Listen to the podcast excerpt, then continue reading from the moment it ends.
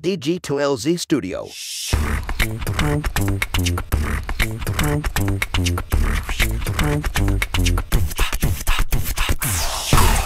Selamat pagi, siang, sore, atau kapan pun waktu yang teman-teman pakai untuk mendengarkan podcast ini. Kembali lagi bersama saya Panji di podcast Ngobrol Bisnis.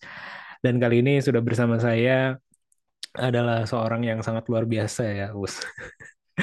Namanya uh, Darmawan Meizal atau uh, nah ini juga kemarin saya sempat bertanya-tanya nih kenapa dipanggilnya Iwan, kenapa dipanggilnya Kang Iwan gitu. Sa Nama gimana tuh Kang? Paling depannya itu agak berat tuh Kang, Mas. Darmawan. Oh iya. Jadi saya lebih senang dipanggil Iwan aja lah. Oh iya. Masih belum sampai sana soalnya. Kang Iwan ini atau Dermawan Meizal ini adalah nah sebenarnya bingung juga nih. Yang eh, terkenalnya mungkin adalah CFO eh, dari WGSH gitu. Cuman beberapa waktu yang lalu saya juga sempat ketemu eh, di IDX tapi kartu namanya banyak gitu ya. Ada TPS Consulting, ada Venture Hub. Nanti mungkin kita olah ya. Tapi sebagai awalan boleh Kang uh, disapa dulu pendengar kita nih eh, yang dengerin uh, dan sekilas mungkin kenalan gitu. Dan mensayangkan saham masyarakat. Jadi kita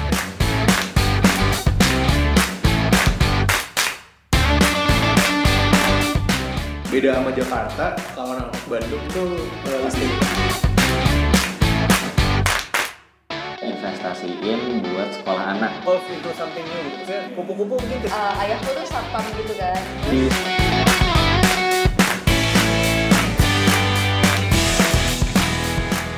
Salam kenal teman-teman. Uh, saya Iwan.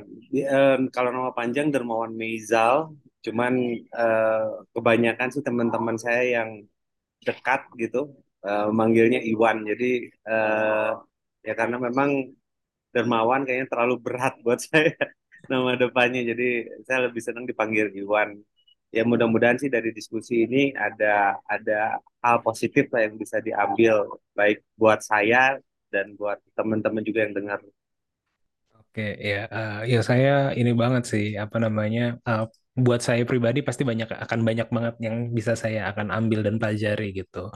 Uh, kita kenal karena dikonekin sama Pak Ahmad ya uh, IDX uh, Inkubator Jabar gitu atau uh, ya IDX Jabar ya uh, beliau. Uh, karena kebetulan saya juga lagi uh, berusaha untuk uh, mengikuti jejak WGS gitu di bisnis saya lalu konsultasi-konsultasi, oh direkomendasikan ketemu Kang Iwan nih, uh, beliau adalah CFO-nya nih, uh, seperti yang kita tahu kalau dalam per IPO-an gitu ya, mungkin CFO salah satu yang paling krusial nih perannya gitu. Betul nggak nah, Kang? Betul nggak Kang? Sebetulnya antara iya dan enggak, Mas. Jadi kebanyakan sih perusahaan juga karena memang kebetulan saya dari dulu di pasar modal, jadi mungkin uh, engagement saya ke seluruh proses IPO di WGS Hub yang terakhir itu memang cukup intens. Selain foundernya juga cukup apa namanya cukup paham lah apa yang mau dilakukan gitu. Jadi uh, saya cuma ngarahin ke sana sedikit, ke sini sedikit. Si foundernya juga cukup ini cukup cukup apa ya cukup mengerti lah apa yang harus dilakukan. Jadi uh, sebetulnya sih dari keseluruhan proses juga eh, foundernya WGSAP yaitu Ikin Wirawan itu juga kontribusinya juga cukup besar nih mas eh, untuk bisa sampai listing ya si WGSAP. Eh, rata-rata sih memang CFO perusahaan TBK lebih banyak eh, konsentrasinya ke pembukuannya. Makanya biasanya memang uh, di beberapa perusahaan TBK itu mereka butuh additional consulting consultant yang bisa backup secara corporate finance. Hmm. Karena uh, begitu jadi perusahaan TBK ya salah satu kerjaan dari CFO itu nambah tuh mas yang tadinya cuma bookkeeping biasa gitu standar bookkeeping jadi mungkin agak lebih advance di mana kita juga harus nyusun strategi-strategi financing ke depan ya jadi uh, baik itu melalui mekanisme pasar modal atau uh, melalui uh, apa uh, financing dari pihak ketiga ya misalnya perbankan atau private equity atau eh, aset manajemen dan sebagainya. Soalnya banyak banget instrumen tuh Mas yang nantinya bakal dihadapin sama CFO kayak misalnya CB, convertible bonds, terus MTN, bonds, obligasi. Obligasi pun banyak juga tuh jenisnya. Ada yang memang eh, obligasi yang eh, kuponnya, pembayaran kuponnya juga kan beda-beda jenisnya ya Mas. Jadi memang eh, begitu jadi perusahaan TBK ada scope of work yang nambah tuh dari sisi si CFO. Tapi kalau saya pribadi sih kebetulan memang eh, dari dulu basicnya di capital market eh, ya dan terus em, ya beberapa kali juga bantu-bantu beberapa perusahaan juga listing gitu. Jadi memang eh, apa ya si ap- eh, tahapannya mungkin agak lebih biasa gitu dibandingkan sama CFO-CFO yang memang tadinya dari company-nya sendiri gitu ya. ya yang biasa book, bookkeeping biasa tahu-tahu begitu listing wah ini jumlah saham beredar eh, terus dan sebagainya kalau misalnya nanti ada right issue ini nanti potensi dilusinya gimana ke ke owner dan sebagainya itu mereka jadinya baru gitu tapi Hmm. rata-rata sih kalau misalnya udah agak cukup lama pasti paham mas siapa itu kan masalah kebiasaan ya I see, I see. Eh, eh sebelum kita bahas terkait dengan WGSH-nya gitu ya, atau juga tadi strategi IPO-nya, saya jadi penasaran nih Kang, eh, background-nya apa ya sebenarnya eh, Kang Iwan ini sebelumnya gitu. Maksudnya mungkin dari pendidikan, terus tadi kan bilang lama di capital market, apakah Hmm. setelah itu terjun ke sekuritas atau bergerak di mana gitu, mungkin boleh diceritain. Ya, kalau saya memang dari awal itu dari level yang paling bawah mas di sekuritas. Saya mulai dari equity sales retail, terus terakhir eh, sampai institusi dan VP juga di eh, CGS CMB Securities ya. Sebelum akhirnya saya resign dan mutusin bikin konsultan untuk investor relation tadinya. Hmm. Tapi di- itu di tahun 2017, tapi eh, setelah itu banyak teman-teman juga yang ngajakin ke beberapa project IPO, persiapan IPO, jadinya ya mulai dari situ tuh saya belajar tuh tentang eh, IPO-in perusahaan. Meski- Meskipun eh, di sekuritas pun itu bukan pas waktu saya di sekuritas pun itu bukan satu hal yang yang apa yang susah di, yang tidak biasa saya dengar gitu ya. Cuman memang eh, engagement hand on hands on-nya itu mungkin lebih lebih dalam saya sejak 2017 ke atas. Hmm. Em, terus kalau background pendidikan sih saya dari universitas kecil di Bandung mas namanya Widya Tama kalau mas pernah dengar. Saya Eh, dari situ dekat eh, IDX sedang, bukan ya de- dekat IDX ya dekat IDX kan? ya jurusan akuntansi tahun 2005 saya lulus mas. Terus ke sananya saya memang banyak ngambil eh, apa sertifikasi profesi ya seperti kayak FMVA terus Hmm. eh, beberapa pelatihan-pelatihan mengenai corporate finance dan eh, apa kebanyakan sih mostly corporate finance mas. Jadi eh, dari situ memang ya lumayan ini ya lumayan karena memang lebih eh, langsung ke profe ke profesi dan apa real case studies gitu jadi mungkin saya agak lebih inilah agak lebih non teoritikal lah mas cara Hmm. berpikirnya gitu I see, I see. Menarik, menarik. Berarti dari awal banget gitu memang ketika lulus tuh udah langsung terjun ke tadi ya, eh, jadi eh, jualan apa ibaratnya eh, akun ya berarti ya. ya dulu, dulu saya awal-awal sih memang sempat jadi auditor juga mas auditor Ah, internal di sat- salah satu perusahaan farmasi ah, di Indonesia tapi itu cuma satu tahun habis ah. itu eh, saya sempat jadi equity sales pertama-tama itu di Dana Reksa.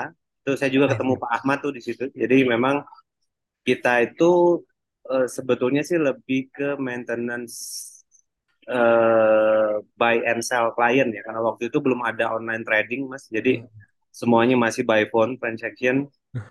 eh ya asik juga sih kalau diinget zaman-zaman itu adrenalin rush-nya itu benar-benar terasa Mas.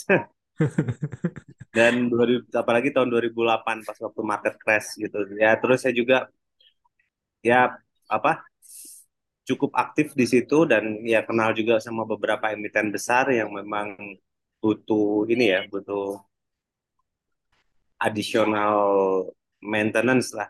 Hmm. Iya. Jadinya udah mulai sering bersinggungan dengan emiten daripada retail gitu terakhir-terakhir. Oh, I see, I see, I see. Tapi di awal-awal juga menghandle klien retail ya, maksudnya untuk Aw- Hmm. Awal-awal ya, saya Hmm. awal-awal dari retail mas. Itu itu saya nggak ada pada bayangannya sih. Eh, maksudnya eh, bayangan saya terhadap eh, apa namanya eh, jual ini itu adalah di- dari film kan. Kalau apalagi kalau film Amerika gitu kan, Hmm. eh, ada dapat telepon lah di pasar eh, di bursa gitu atau di kantor ya harus beli harus jual. Itu realitanya kalau di Indonesia apakah begitu juga tuh? Sama, Mas. Padahal waktu itu di dana reksa ya, maksudnya bukan bukan di, di bukan di uh, bursanya kan secara langsung, tapi di sekuritas gitu. Iya sama. Jadi saya lupa apa ya sistemnya waktu itu eh, karena udah terlalu lama mas saya nggak pegang apa nggak nggak pernah pegang sistem itu lagi. Iya iya iya. Jadi eh, kita itu direct mas. Jadi Ah. dari zaman dulu itu ya sales itu se- sekaligus dealer. Ah. Jadi kita juga yang input order. Jadi begitu ada telepon, ya kita langsung masukin ordernya. Hmm. Dan kita juga harus bisa analisa, mas. Ya, apalagi untuk investor retail ya. Kalau investor institusi biasanya mereka udah punya backup research yang kuat juga, baik secara internal ataupun dari sekuritas-sekuritas asing lainnya gitu yang memang eh, kirim ke inboxnya mereka gitu. Tapi kalau untuk retail itu mereka pertanyaannya banyak banget mas dan Hmm. beberapa klien saya juga itu cukup advance ya seingat saya yang waktu dulu ya Ah. jadi pertanyaan-pertanyaan dalam dan lebih banyaknya justru ke fundamental jadi Oh. ya ini apa eh kebentuknya itu memang betul-betul dari apa Dasar apa ya, lah. ya. Ah. dari akarnya gitu Iya dari akarnya lah ya.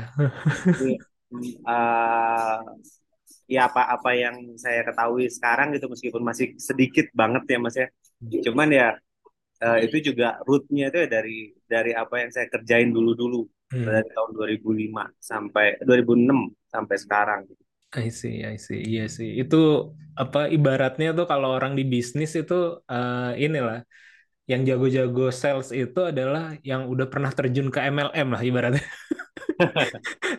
ya kalau waktu itu sih Hmm. alhamdulillah Hmm. saya juga sampai sam- tadinya awal-awal juga saya pas waktu masuk eh, ke apa pasar modal ya terutama di sales gitu tadinya saya pikir wah ini cari klien nih saya Ah. tapi ternyata enggak mas jadi klien itu udah ada Oke, Jadi list sudah ada ya, list sudah ada. udah aktif Udah jadi aktif. kita tuh cuma tinggal maintain Maintenance. mereka untuk eh, mau bertransaksi gitu Ya, ya, ya, ya, ya. nah jadi memang eh, agak beda nih sama apa eh, kayak misalnya future atau forex gitu ya Iya, iya, iya, iya. kita memang tinggal maintain si Klien. klien-klien yang memang udah udah udah existing di sekuritas itu waktu itu mas nggak tahu kalau sekarang sekarang mungkin kan karena udah makin banyak juga si salesnya mungkin ya Iya, iya, iya. kalau Iya. waktu itu masih sedikit sekali mas soalnya I see. Ka- Karena bayangan saya kalau 2005 selesai berarti mungkin masuk 2005 2007 dan sebelum crash tadi ya di 2008 itu eh, besar market retail kan juga masih kecil ya. Maksudnya tidak tidak kayak belum satu juta mungkin bahkan ya sebenarnya. betul dan profesional yang mau kerja di mungkin saya sendiri juga waktu itu kalau nggak ada teman saya yang ngasih tahu gitu ya mungkin saya juga nggak Nggak tahu. nggak masuk ke sekuritas ya. Iya. Heeh. karena memang waktu itu profesi ini itu memang gimana ya eh orang sendiri juga nggak nggak tahu kalau ada profesi ini gitu equity sales itu nggak nggak tahu gitu mas zaman itu Iya, iya. Iya sih, iya sih. Ini ini terus lagi ya, eh, referensi saya hanya dari film lagi, lagi-lagi gitu. Kalau di luar itu yang saya tahu ada juga oke, ada basic, tapi juga ada eh, fee gitu ya. Kalau tadi dapat klien atau maintain eh, klien gitu, based on Hmm. sales ya. Kalau di Indonesia account sales account atau apa ya, account eksekutif gitu ya berarti ya di Ya, di ya. Di eh, sini juga begitukah mekanismenya. Ya, jadi kita ada kalau waktu itu saya kurang tahu kalau sekarang ya. Kalau waktu Ah, itu tuh skemanya memang ada eh, target transaksi minimum yang harus kita Accomplish. Hmm. yang harus kita hit baru eh, di atas itu baru kita dapat eh, beberapa apa eh, skema commission lah. Ya, ya, ya, ya, ya. Jadi memang kita itu juga dari pagi-pagi itu ngedongeng Mas. Jadi setiap nasabah diteleponin baca riset eh, ngedongeng nih Ya, kondisi market kayak gini Pak. Yang saya ingat ya dulu ya, ya. zaman-zaman itu dari Menarik, jam menarik. 8 pagi sampai jam 10 siang. Setelah itu tunggu mereka ambil decision mau beli atau mau jual gitu. I see, I see. Menarik, mena- menarik banget sebenarnya sih itu profesi. Mungkin sekarang eh, market makin gede gitu ya. Eh, sekarang kan kalau nggak salah udah 2 juta mungkin ya. eh, apa namanya pemain atau eh, apa namanya eh, market retailnya gitu. Hmm, Juta orang lebih gitu. Dan lebih banyak online dan eh, ketika lebih betul, banyak online jatuhnya lebih mandiri kan si betul. investornya gitu kan. Mungkin yang kelasnya di atas gitu baru yang sifatnya pakai eh, account eksekutif gitu. Kalau yang kecil-kecil kan ya udahlah eh, mandiri aja lah nilainya berapa juga gitu. Betul. Cuman sekarang juga ada transisi sih. Jadi kalau yang Nah, itu mungkin dihandle-nya sama influencer. Jadi kita itu ya ah, sebetulnya hampir sama kayak influencer ya. ya ya ya ya ya. Saat itu ya, eh, karena memang nggak bisa online, mereka nggak bisa enter sendiri. Jadi mau nggak mau harus komunikasi dengan kita. Jadi ya kita sendiri juga waktu itu ya harus update tuh Mas tentang kondisi global, makro, makroekonomi Indonesia, mikro sampai ke eh, ini ya. Jadi setiap kali setiap pagi itu saya masih ingat tuh minimal ada dua koran yang harus saya baca konten sama bisnis Indonesia waktu itu. Luar biasa. Eh, kebiasaan itu masih ke, kejaga nggak sa- sampai sekarang? Sekarang eh, terus terang saya sendiri juga masih aktif transaksi ya pribadi gitu ya. Cuman Oke. saya nggak bisa ngikutin harian Mas karena memang Hmm.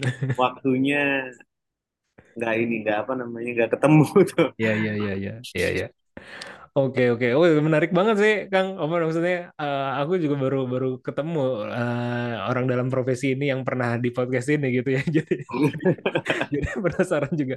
Berarti pada waktu itu mulai dari account eksekutif gitu, terus eh, masuk ke sekuritas yang lebih besar dan terakhir jadi eh, vice eh, presiden gitu ya, Ya, atau di, eh, di- eh, CIMB ya berarti ya. ya CMB Sekuritas sebelum di, dimasuk sama CGS sekarang kan jadi CGS CMB ya. Oh iya, iya. Saya saya belum belum enggak sih. Oke. Setelah itu baru eh, keluar dan mendirikan consulting gitu ya. Ya, Nah, mungkin ini juga yang sering saya bahas ya, karena ini kan kita temanya podcast ngobrol bisnis. hmm, Suka saya tanya tuh kalau ke teman-teman yang dulunya uh, profesional ya, artinya bekerja di sebuah korporasi, lalu ketika transisi dia um, entrepreneur atau bikin suatu entitas sendiri gitu. Nah, itu kan ada apa ya? Ada sesuatu gitu, ada suatu trigger bisa jadi satu, yang kedua ada yang uh, kedua ada efek juga yang tadinya dapat uh, penghasilan tetap gitu, tiba-tiba sekarang kita harus berbisnis, harus investasi dan segala macam. Itu bagaimana dulu tuh Kang? Uh, trigger dan juga mungkin efek ke kehidupannya ya pada itu berarti tahun-tahun 2000 berapa tadi? 17 itu ya? ya, ya. Oke. Eh, sebetulnya sih kalau dari sisi saya pribadi ya Mas ya terus terang transisinya itu nggak terlalu terasa karena memang dari dulu itu kan kita memang udah biasa dengan goals, target dan Ya. sebagainya ya. Dan ya terakhir target saya juga lumayan tinggi itu sekitar berapa ya, satu triliun ya setahun. Jadi memang eh, transaction ya, in term of transaction yang di CGS CIMB. Jadi memang eh, di CIMB Sekuritas. Jadi memang ya kita juga sebetulnya running our own business mas selama di sekuritas itu. Cuman em, yang kita jual itu diri kita sendiri. Plus perusahaan. Perusahaan dan diri kita sendiri sorry. Jadi begitu saya mulai usaha ya memang pasti ada ada inilah ya ada ya ada sedikit adjustment gitu ya. Karena memang biasanya dulu ada saya ada fix salary yang yang cukup cukup gitu ya dan sisanya tinggal saya cari gitu dari dari apa kerja saya kerja keras saya gitu. Kalau di sini ya memang nggak ada itu dan ya saya harus benar-benar eh, nggak ada yang gaji saya gitu. Yang ada saya yang gaji orang gitu mas. Hmm. nah itu itu memang awal-awal tiga bulan pertama agak ini juga ya agak agak butuh adaptasi ya. Tapi setelah itu ya karena network juga ya alhamdulillah. Selama 2005 sampai 2017 ya sekitar 12 tahun ya eh, itu saya juga kan ketemu banyak emiten dan sebagainya. Hmm. sebenarnya kan bisnis itu ujung-ujungnya sales mas marketing. Di mana kita networking gitu. Iya. nah kebetulan ya networking itu udah terbentuk jadi ya saya tinggal tinggal shiftingin dan ngelihat perspektif lain dari needs-nya mereka gitu ya siapa tahu ada yang bisa saya bantu dari situ I see. Ya, ya, ya, ya, betul, betul, betul. See. Ya, berarti sebenarnya eh, ya karena memang sih kalau teman-teman yang di pasar modal itu spesifiknya di sales account gitu atau ya sampai ke jenjang-jenjang berikutnya, sepengetahuan saya jadi memang jago banget sih. Maksudnya satu eh, target base, yang kedua juga network dan jejaringnya oke dan ig- eager untuk capai targetnya itu tuh biasanya jebolan-jebolan sana tuh memang apa ya kuat gitu ya. Kuat eh, lebih dekat lah dibanding dengan profesi-profesi lain yang mungkin eh, mau transisi ke bisnis ya. Kelihatannya memang lebih lebih siap ya secara mental lah ya. Biasa ditolak gitu kan. Ya betul. Itu itu apa em, ya kalau menurut saya sih bisnis itu kan probabilitas mas. Ya pas eh, revenue itu kan sales itu atau number of account atau apa pun namanya client itu kan sebenarnya probabilitas. Jadi eh, karena memang saya waktu itu dari dulu di front office di di front front desk ya. Jadi eh, mau nggak mau saya sendiri juga punya hitung-hitungan sendiri. Berarti kalau saya mau mau dapat satu transaksi yang besar ya saya harus datengin minimum 10 orang. Dari 10 itu satu deal. harusnya masuk. Hmm, probabilitas probabilitas itu jadi ya udah udah ketanam di mindset saya kan dari dulu ya ya ya I see, I see. biasa ditarget mas malu Iya iya iya iya betul betul betul betul. Eh ya itu itu itu ini ini yang bagus banget sih. Eh bahkan di kita juga di saya di bisnis juga kayak gitu tuh jadinya. Eh, pakai dasar konversi atau probabilitas tadi. Lo untuk dapetin sales sekian berarti lo harus networking atau kontak paling nggak sekian nih sehari ini kayak gitu. Jadi memang memang harus harus kayak gitu sih. Eh, ide yang bagus tuh. Eh, lalu masuk setelah itu atau kita langsung jam ya eh, ke secara spesifik mungkin di WGS-nya gitu. Pertama kali ngobrol atau berdiskusi atau joinan dengan Pak Ikin tuh gimana tuh ceritanya tuh?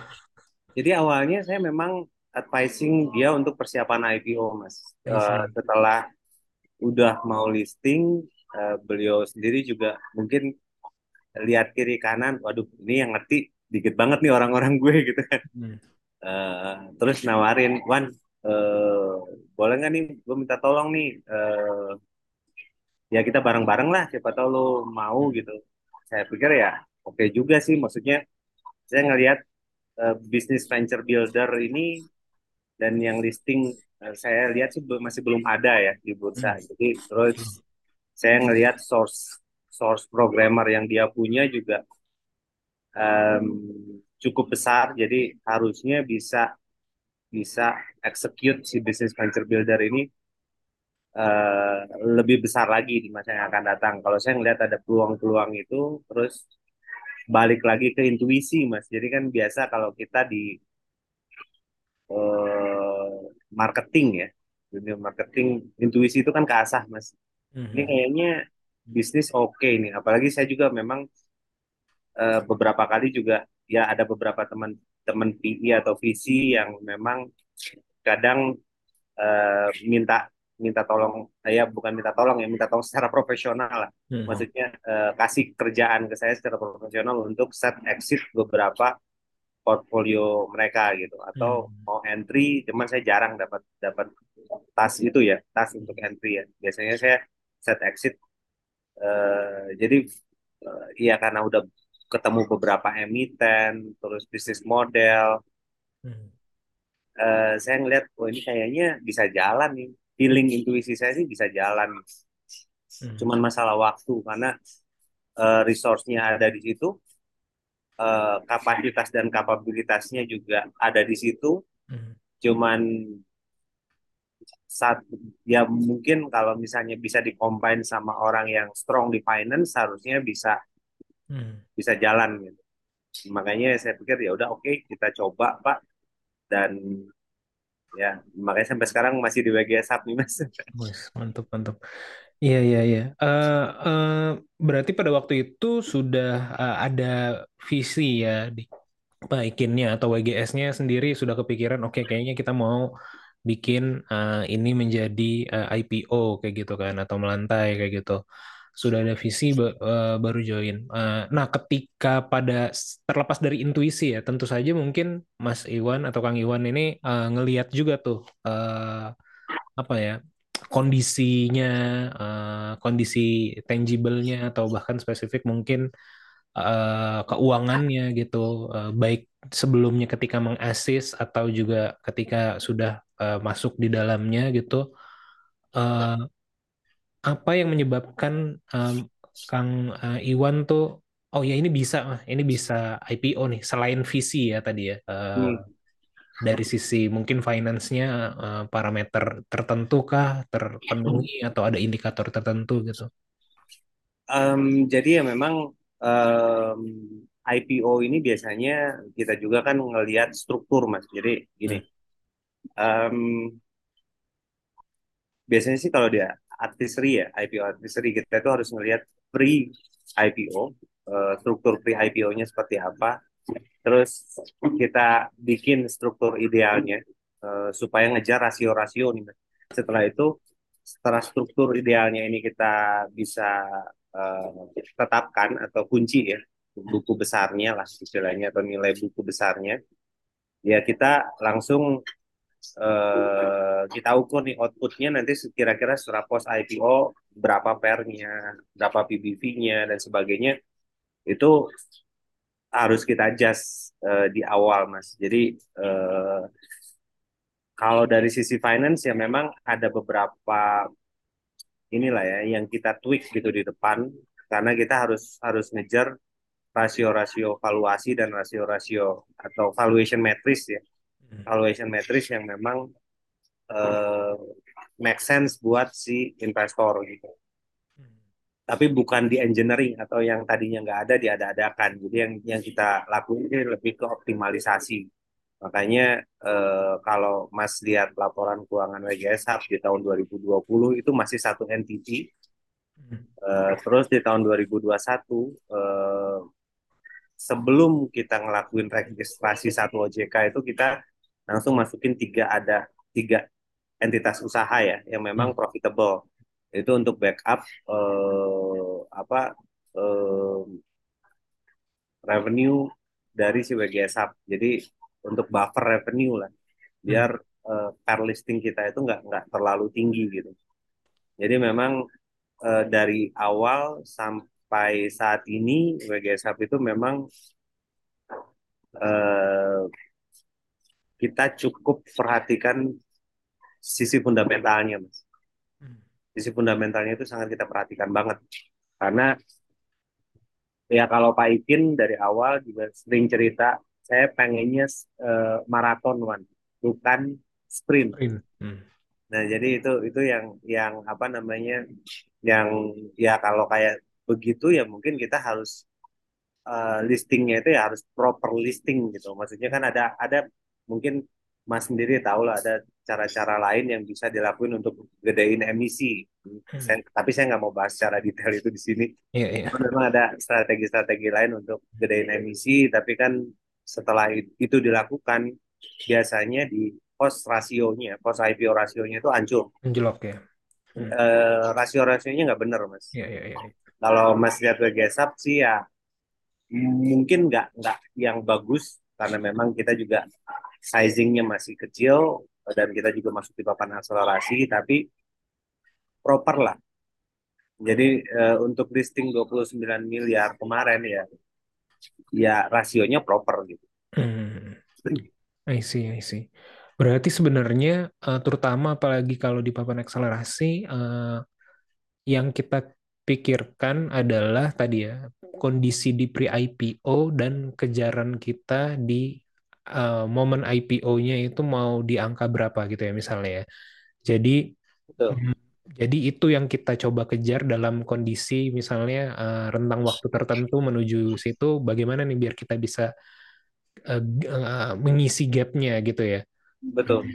Jadi nanti memang kita bakal lock tuh angka-angkanya, Mas. Jadi Mas harus lock angka-angkanya sesuai dengan target. Misalnya, Hmm. ini yang yang gampang aja misalnya eh, target listingnya itu kita mau di per 30 gitu ya. Hmm.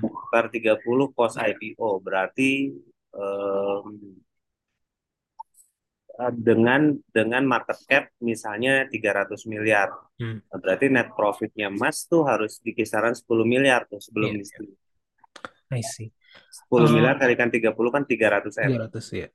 Dan kalau ini ya, kalau saya kadang-kadang nggak tahu ini tepat apa enggak ya. Jadi saya karena mungkin bukan orang finance dasarnya ya, tapi saya jadi belajarnya eh, dibalik gitu. Jadi saya pelajari tuh teman-teman yang IPO di website gitu ya. Saya downloadin prospektusnya dan segala macam gitu.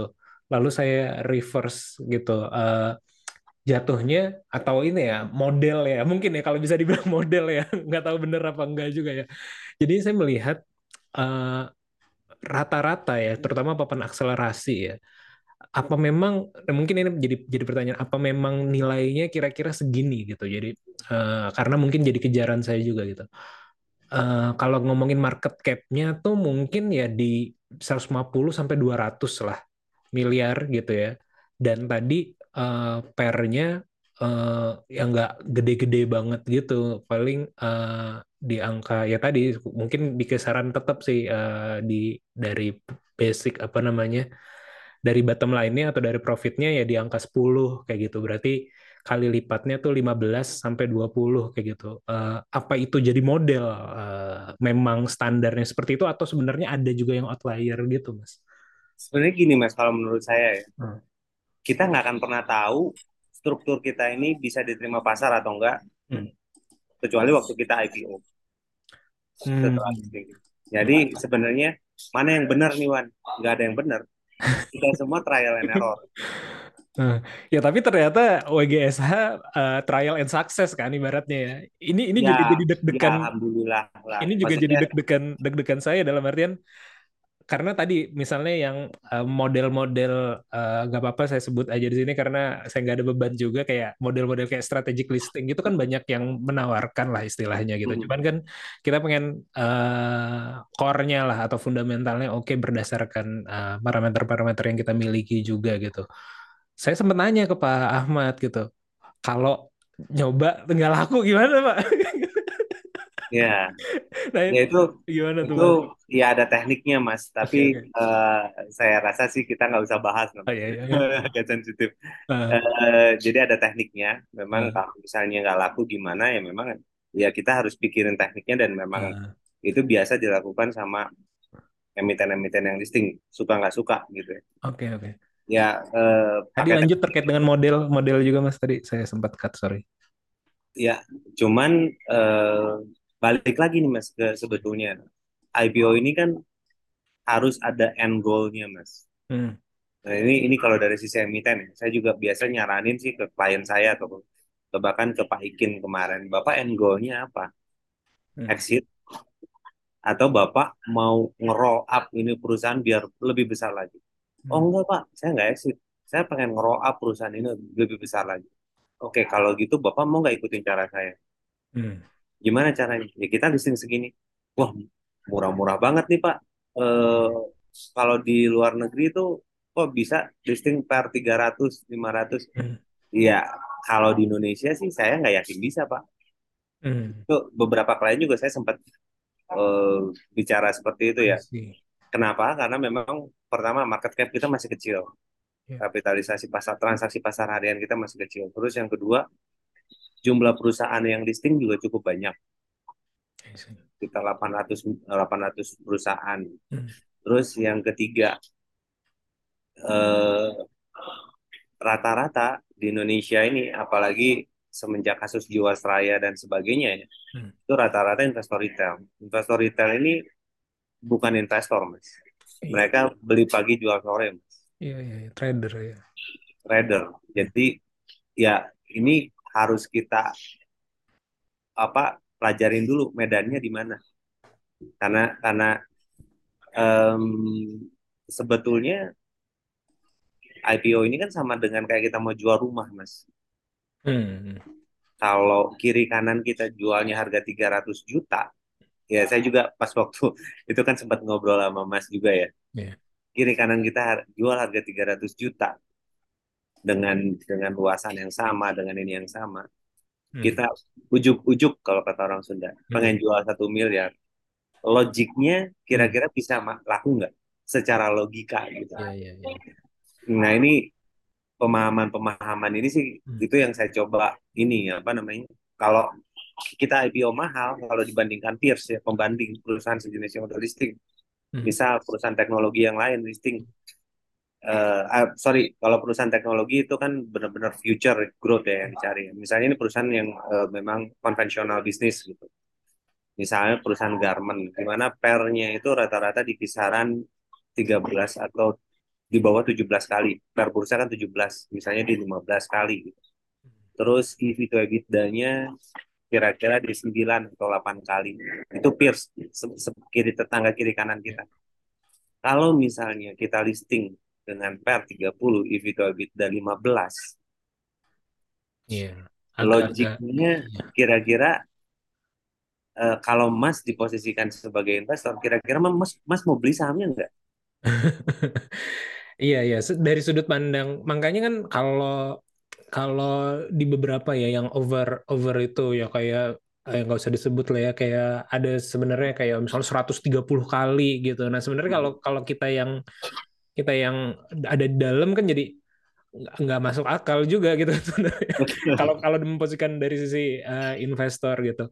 Makanya makanya tadi saya mengambil kesimpulan eh, apa jangan-jangan modelnya melihat tetangga kanan kiri ya mungkin kalinya atau pernya ya eh, sekitarannya segitu gitu yang yang masuk akal dan rasional dan itu bisa jadi model gitu. Jadi kayak standar kalau lo papan akselerasi ya lo segini nih gitu bisa bisa bisa bisa model model saya belajar bisa bisa seperti itu nggak ya mas Ya kira-kira? bi- bisa aja mas, maksudnya itu dijadiin salah satu apa Indikator. apa bisa-bisa aja. Heeh. Cuman memang ada beberapa juga ya yang benar-benar real listing gitu mas ya. Heeh. Di set pairnya gila-gilaan gitu. Cuman ya memang ya saya dengar dari teman-teman juga yang jadi advisornya di sana. Iya. Beneran nggak bro listingnya? Beneran. Oh iya hebat. Iya makanya ya. Ada ada juga mas. Jadi ya memang Hmm. mungkin mereka juga kan ngelihat momen. Salah satu satu lagi nih momen momennya pas itu momen itu susah mas kita eh, dapatnya makanya kalau misalnya kayak kemarin tahun 2020 tuh kalau misalnya perusahaan farmasi listing Iya. itu pasti dimakan orang Iya iya iya iya. iya. Iya iya iya betul. for whatever orang eh, ini FOMO FOMO ya betul betul betul. COVID gitu ya. eh, Iya. Lagi butuh. terus sebelum bu- apa Bukalapak IPO orang kan nggak tahu nih valuasinya kenapa WGS Up ngejar sebelum. eh, sebelum Gotok IPO waktu itu Hmm. kita paksain karena kita ngarep sih waktu itu Bukalapak masih bagus-bagusnya nih wah ini kita harus Ekor. harus IPO sekarang nih Hmm. soalnya takutnya setelah yang gede IPO dan bust Hmm. Eh, kita juga kena gitu tapi saya nggak tahu juga kan setelah itu kan banyak juga perusahaan teknologi yang listing ya kebetulan eh, teman-teman saya nggak ada yang pegang advisory-nya gitu Eh, saya nggak tahu tuh eh, apakah mereka ya mudah-mudahan sih real. IPO ya cuman ya memang kelihatannya sih eh, ya oke-oke aja gitu I see, I see. Eh, ya pas kita ketemu juga ada banyak banyak banget yang saya catat dan jadi insight buat saya sih. Eh, eh, tapi ada satu yang yang menarik juga. Waktu itu eh, Kang Iwan bilangnya ya sebenarnya IPO bisa-bisa aja segitu loh. Maksudnya eh, eh, gampang-gampang susah ya tapi bisa gitu loh. Bukan bukan di situ problemnya gitu. Eh, bukan di situ problemnya apalagi kejarannya kita mau jadi growth gitu mau mau lebih besar lagi eh, setelah IPO gitu cuman eh, kadang-kadang di posisi saya atau teman-teman mayoritas gitu ya di eh, di teman-teman eh, bisnis-bisnis yang masih level dengan saya gitu kadang-kadang jadi bingung gitu Bang. Apa ya? Maksudnya masalah administrasinya kok kayaknya ribet banget. Terus juga eh, masalah eh, apa ya? Eh, building trustnya mungkin nggak semuanya kayak Tope, to, Goto atau nggak semuanya kayak Buka gitu yang udah kelihatan gitu kan. Jadi kayak banyak PR yang kayaknya harus kita beresin dulu gitu. Eh, tapi Kang eh, Iwan WGS juga tidak populer kayak Goto pada waktu itu. Terus juga banyak teman-teman lain yang di paparan akselerasi juga seperti itu. Tapi bisa berhasil gitu. Kira-kira apa tuh Kang ininya ya? Ya, yang pertama sih berhasil itu kan relatif, Mas. Eh, Relatif terhadap jumlah nilai emisinya. Kalau kalau WGS Hub nilai emisinya 400 ya. 400 500 miliar ya saya juga nggak nggak yakin, Mas. Ya, ya, Itu ya. yang pertama. Terus yang kedua, jadi em, maksudnya kita juga harus realistis eh, apa berhasil atau nggak berhasil itu dari perspektif apa gitu.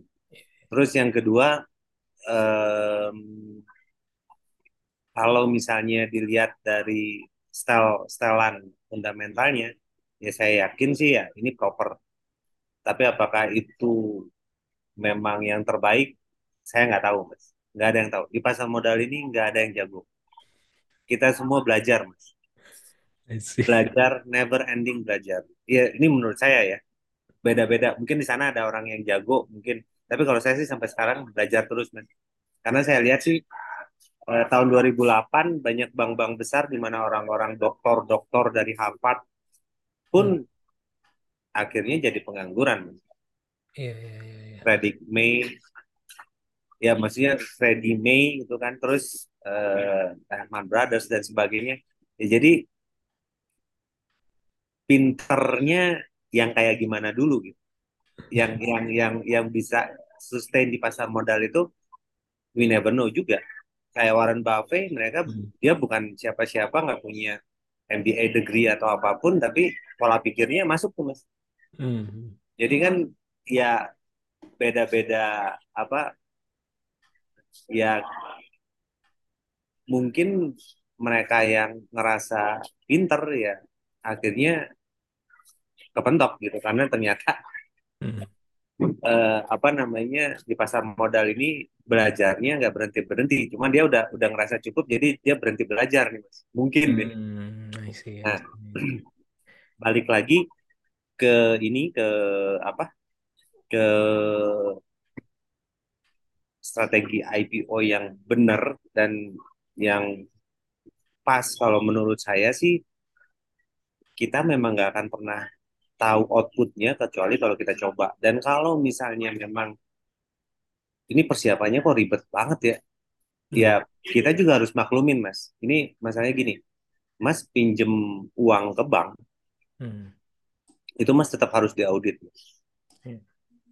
tetap harus kirim akta pendirian perusahaan dan perubahan terakhir ini kita mau ngundang orang Hmm. bukan utang masuk ke perusahaan kita Hmm. dalam bentuk penyertaan Hmm.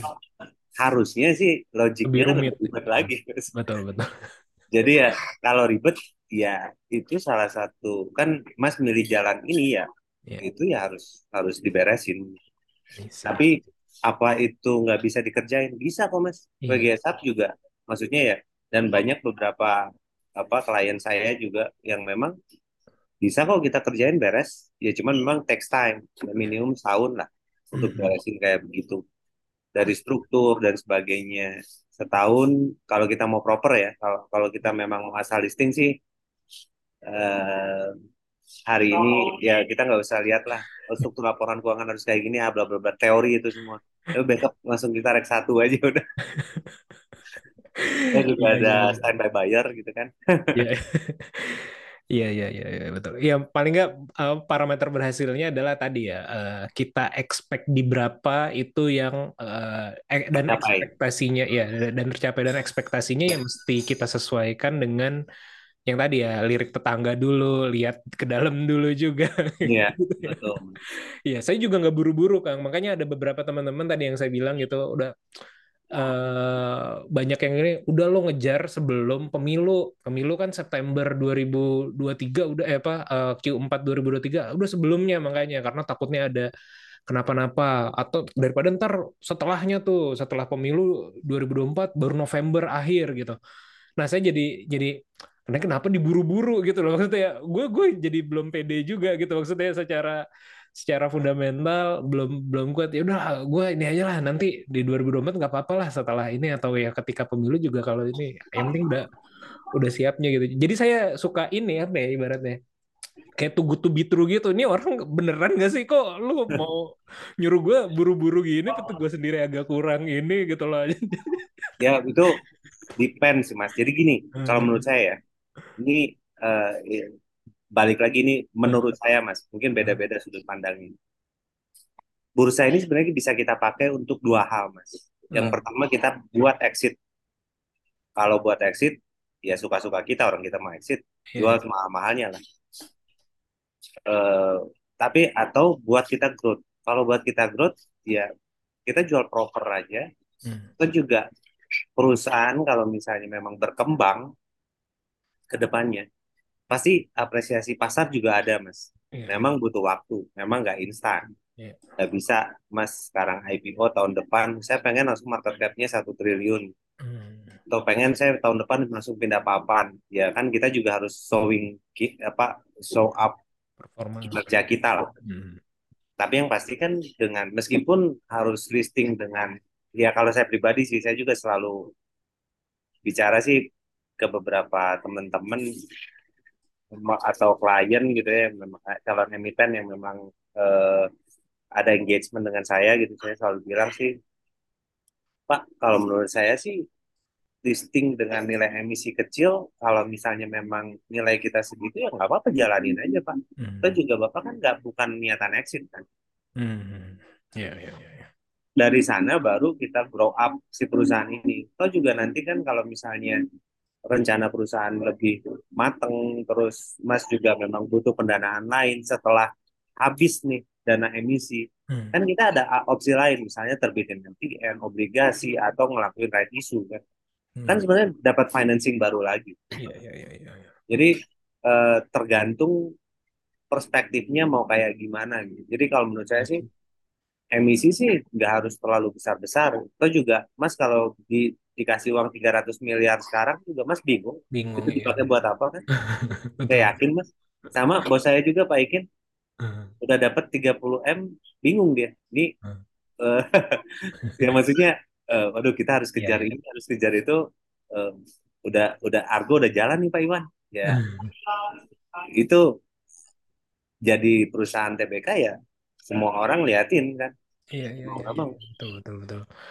Eh, sekarang WGSH eh, sudah gitu, kira-kira sudah IPO gitu, dan juga eh, kira-kira bagaimana nih ke depannya strateginya gitu, eh, menjaga value, terus juga apakah ada strategi tadi ya next eh, eh, kerjasama atau eh, apa obligasi baru atau bagaimana secara secara bisnis gitu. Ya, kalau dari sisi bisnis wise ya Mas ya, Hmm. eh, saya nggak eh, ngomongin strategi financing. Hmm. Karena strategi financing sih saat ini kita masih pegang cash cukup lah. Besar ya, oke. Hmm. Iya, besar relatif Mas, tapi cukup. Oke, oke. eh apa eh, buat kita udah cukup gitu. Eh, belum ada rencana kecuali kalau misalnya nanti di pertengahan jalan ada investor strategik yang mau masuk ya mau nggak mau kita harus siapkan struktur buat mereka bisa masuk baik itu dalam bentuk apa pun, pride issue ataupun apa pun. Cuman sampai saat ini ya eh, ya ada beberapa tapi masih tahapan ngobrol-ngobrol. Nah, kalau dari sisi operation, dari sisi operation sih kita ini memang agak unik approach-nya, Mas. Eh, sebagai venture builder, eh, kita ngelihat mungkin kita lebih fit cocok gitu ya, lebih fit in ke bisnis investment sebetulnya, kayak VC atau PE. Tapi bedanya ya kita nggak invest duit, jadi kita investnya teknologi. Nah, dari sana eh, rencana secara operation sih ya kita terus pengen dapetin banyak investi sebanyak-banyaknya mas, tapi yang berkualitas. Karena dari dengan adanya investi ini kita berharap sih beberapa di antaranya bisa kita IPO-kan juga gitu. Otomatis kan kalau misalnya eh, mereka listing fair value adjustment yang bisa cap kita capture itu kan lebih besar ya. Cuman memang it takes time uh, and patience mas. Soalnya eh, nggak mudah juga nge-grooming eh, perusahaan yang eh, dalam tahap series A gitu atau Hmm. yang masih pre-series itu kan kadang-kadang laporan keuangannya masih kayak warungan mas. Hmm. Jadi cuma ada laba rugi nggak ada nerajanya. Iya, iya, iya. itu PR tuh. ya kita harus banyak resource yang kita apa yang kita push ke situ ya biar dia proper lah. Iya, iya, iya, iya. Betul, betul, betul. Iya, betul. Ini ini saya jadi ingat lagi eh, gara-gara ngomongin laba rugi atau laporan tadi ya. Eh, jadi kan belakangan memang karena lagi intens eh, ke sana gitu arahnya. eh, Jadi saya ikut banyak trainingnya eh, dari IDX juga ya, ter- termasuk kemarin dengan eh, Deloitte gitu. Bagaimana eh, eh, menuju IPO lah kurang lebih tema-temanya seperti itu. Eh, workshop gitu, ada tiga hari atau apa gitu. eh, saya dan tim dan memang ada yang men- ada yang sejalan juga gitu ya. Dalam artian eh, idenya waktu itu kan kita sempat diskusi ya di Bandung gitu eh, ketemuan Eh, yang Mas eh, yang Kang eh, Iwan sampaikan adalah oh ya salah satu isu yang menarik kalau dari kacamata eh, Kang Iwan waktu itu ke bisnis saya yang spesifik secara Kiwi ya waktu itu ya. Kita ngomongin tentang Kiwi oh iya lo akan bagus di logistiknya nih dia bilang kayak eh, apa dirimu bilang seperti itu kan di arah sininya gitu Lalu ketika di training Deloitte itu akhirnya kita dapat satu keyword juga ya dan mungkin agak menarik buat market dan bisa kita apa ya eh, terlibat juga di dalamnya adalah masalah ESG kan eh, ESG eh, environmental social social dan governance. Governance. Ah, Ya. Nah, menuju ke sana akhirnya kita eh, menuju ke IPO-nya gitu ya. Kita bikin semacam kayak empat empat apa ya empat mission lah atau empat anak tangga gitu ya empat empat empat yang harus kita komplis dulu nih. Salah satunya eh, eh, poin tadi, eh, poin tadi dalam artian eh, salah satu strategi kita, gua, kita pengen launching, launching eh, Kiwi Logistik secara spesifik yang nanti entah jadi sister company atau memang dalam eh, beda brand aja atau ada tambahan brand eh, untuk itu. Eh, jadi ada ada beberapa yang mau kita kejar. Saya jadi lupa tadi mau nanya apa jadi. Ah, oh ya itu itu hal lain. Nah, nah yang saya ingat juga tadi ya masalah laporan Lugi Laba kan eh, ya alhamdulillahnya kalau kita basicnya kebetulan teman-teman udah ngesetting eh, apa ya istilahnya tuh three model statementnya tuh sih jadi memang ya udah udah udah seperti itu eh, cuman bagaimana eh, apa ya? Tadi kan sempat Kang Iwan juga bilang pernah jadi auditor gitu. Eh, apakah itu kita kalau kita mau audited ya laporan keuangan kita, apakah itu begitu aja kita share gitu? Atau misalnya ada hal-hal yang harus diperbaiki atau format khususnya kalau untuk auditor? Atau atau memang ketika menuju IPO kita harus kayak ada hire orang di dalam auditor internal juga kayak gitu. Bagaimana tuh secara secara ini? Kalau Bagusnya ya. auditor internal memang pasti, Mas. Itu harus ada ya, harus harus ada, ada. harus harus Hmm. ada. Itu part of ESG sebetulnya. Oke, oke, Eh, oke. atau eh, ya governance, part of governance lah Governance. sebetulnya. Jadi di part of governance itu kita memang harus ada eh, auditor internal kalau udah jadi perusahaan TBK ya. Dan itu juga eh, disyaratkan juga oleh Bursa Efek Indonesia. Itu yang pertama. Yang kedua, kalau eh, auditor itu sebetulnya bekerja berdasarkan eh, transaksi, Mas. Jadi gini, jadi nanti itu juga Mas bakal ditanya tuh eh, apa perjanjian payung pembelian eh, ke, ke si klien ini ada nggak? Nggak ada. Oh, nggak ada. Kita biasanya cuma by invoicing. Hmm. Eh, invoicingnya ada nggak? Nah itu sebaiknya sih disimpan dari Lengkap ya. sekarang Hmm. Informasi-informasi seperti itu. Kan kalau kalau eh, kalau Mas tadi cerita ada three statement kan. Three statement eh, di financial report ada balance sheet, ada laporan keuangan, ada cash flow. Hmm. Betulnya sih balance sheet itu cuman mencatat transaksional yang memang asalnya dari penambahan atau pengurangan dari laba rugi, Mas. Hmm. Makanya ada laba ditahan. Nah, Iya. yang jadi cash itu dari cash flow. Nah, dari yang jadi cash itu Mas belanjain ke mana? Ke aset, ke apa, ke apa. Dia nge-tracing itu doang sebetulnya di balance sheet. Hmm. Nah, jadi yang lebih banyak sama mereka dicoba gali, Mas, data-data informasi mengenai pemasukan dan pengeluaran. Saran saya sih itu di Bagus. datanya disimpan. Ya. Tidak-tidaknya dua tahun terakhir lah. Terus yang kedua, kalau misalnya Mas ada pembelian aset yang memang masuk ke buku ya, masuk ke Hmm. buku ini dalam artian eh, sebagai setoran modalnya Mas. Misalnya ada equipment, kamera, mic dan sebagainya. Nah, nota-nota pembeliannya itu jangan sampai hilang karena itu jadi dasar mereka untuk menentukan kapan tanggal dimulainya depresiasi, Mas. I see. Sedetil itu ya sampai sampai. Detail, Mas. Oke. Detail banget. Jadi eh, auditor itu ber- bekerja berdasarkan pemasukan dan pengeluaran bisnisnya, Mas. Hmm. Eh, balance sheet itu di set di awal. Jadi ini kira-kira bukunya mau berapa, apa eh, yang saat ini kecatat cut off time-nya misalnya kita pakai 31 Desember 2019. Hmm. 2020 itu kita sebenarnya cuma nge-adjust laba rugi sama perpindahan balance sheet yang ada terjadi di 2020-nya. Hmm. Nah, makanya Mas harus siapin data-data seenggaknya 2020 2021 lah biar Hmm. biar eh, nggak ada yang tidak tercatat gitu oleh mereka. Eh, sebenarnya ada juga, bisa juga kan di di apa di skemain ya. Eh, jago-jago lah auditor di Hmm. Indonesia sekarang nggak nggak nggak harus Deloitte. Misalnya Deloitte itu bagus banget, cuman harganya Mahal.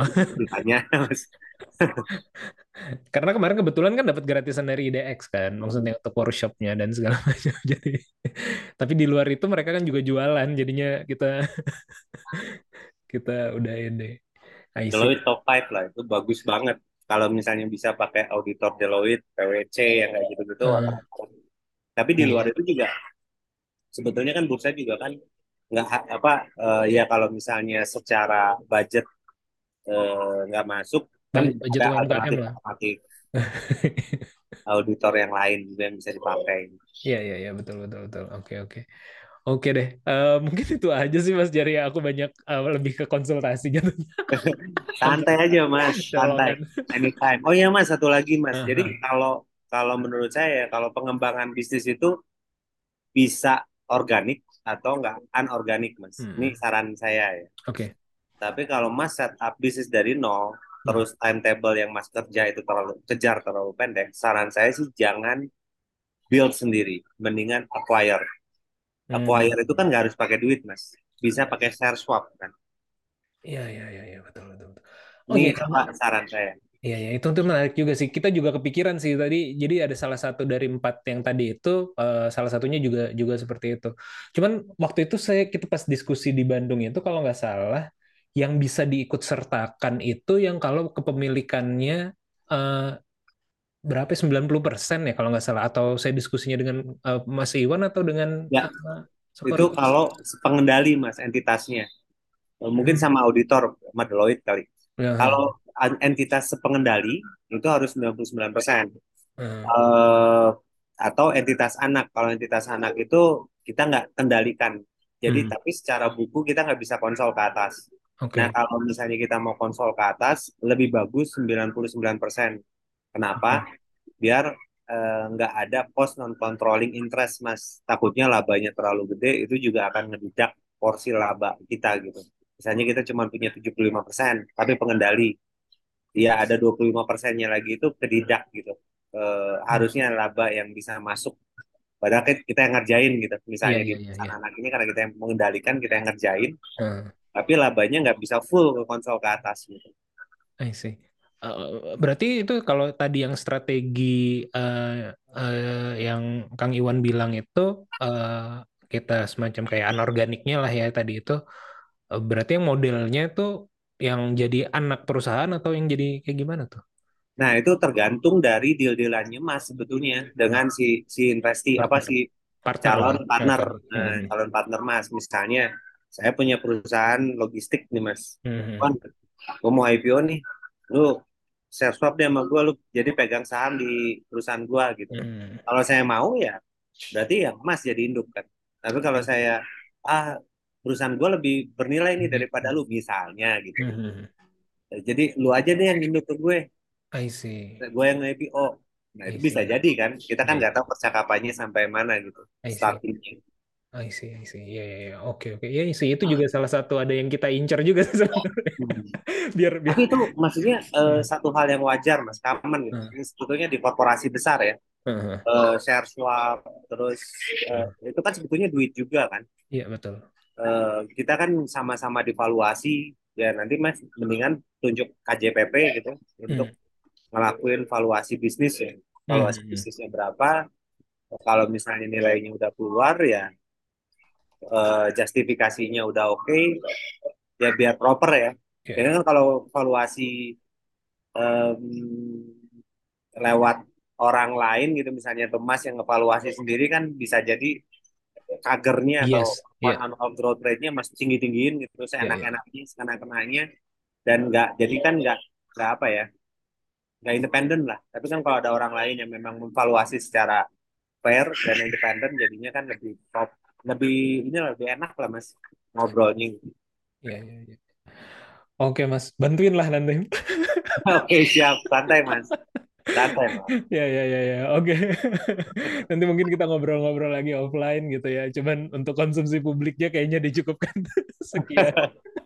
Terakhir ada yang ada yang ingin disampaikan gitu nggak Mas kira-kira eh, terkait WGS atau terkait apa atau syarat saran buat teman-teman yang dengerin gitu. Karena banyak juga yang dengerin teman-teman startup tadi ya. eh, dan juga siapa tahu ada yang berkeinginan untuk IPO gitu. Hmm. Ya kalau menurut saya sih buat teman-teman ya IPO itu sih sebetulnya bukan satu hal yang susah sih. Awalnya susah, Eh, tapi challenge-nya itu bukan di persiapan IPO sebenarnya. Persiapan IPO itu nothing, cuman stepping stone doang. Hmm. Tapi post IPO-nya tuh gimana kita bisa generate growth yang bagus, gimana kita bisa strategiin multi channel financing ya. Financingnya kan banyak banget tuh nanti. Terus gimana kita bisa engage sama investor gitu, baik itu institusi atau retail. Investor ini kan customer, Hmm. customer kita juga gitu pas waktu jadi perusahaan publik ya. Atau ya mereka juga kan eh, layak tahu perkembangan kita dan strategi kita ke depan gitu. Pasti ada aja yang nggak suka. Pasti kita kan nggak bisa menyenangkan semua pihak ya.